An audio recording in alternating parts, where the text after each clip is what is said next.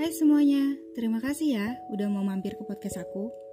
By the way, apa kabar nih? Aku berharap sih kalian baik-baik aja. Oh iya, ini podcast pertama aku loh. Jadi, maaf ya kalau agak crunchy gitu. Oke, di podcast ini aku mau bahas tentang future plans atau rencana masa depan aku. Tapi sebelum aku bahas lebih lanjut, kenalin dulu nih, nama aku Novita Yesef Rizka Sinaga. Kalian bisa panggil aku Novita.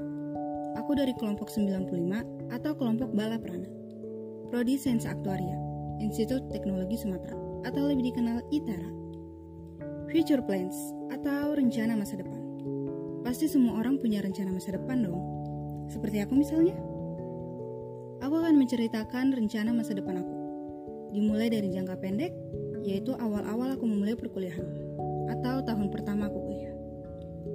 Lalu jangka menengah, tahun kedua sampai aku lulus S1, dan terakhir, jangka panjang ketika aku lulus S1. Jangka pendek, yaitu awal perkuliahan.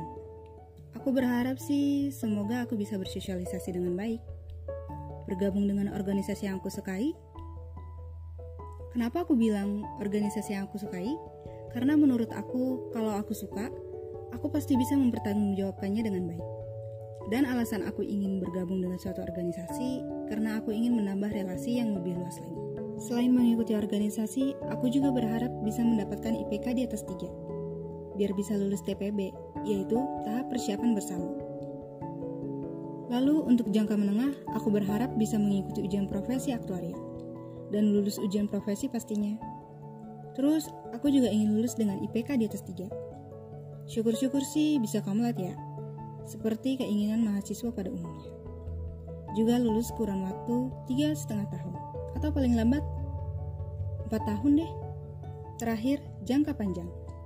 Setelah aku lulus dan mendapatkan gelar profesi aktuaris, aku berharap semoga aku menjadi aktuaris yang profesional. Bisa melanjutkan pendidikan S2 aku di luar negeri dengan beasiswa penuh dan traveling ke beberapa negara bersama keluargaku. Ternyata rencanaku banyak juga ya. Aku rasa cukup sekian ya teman-teman. Terima kasih ya udah mau dengerin podcast aku sampai akhir. Oh ya, jangan lupa jaga kesehatan teman-teman.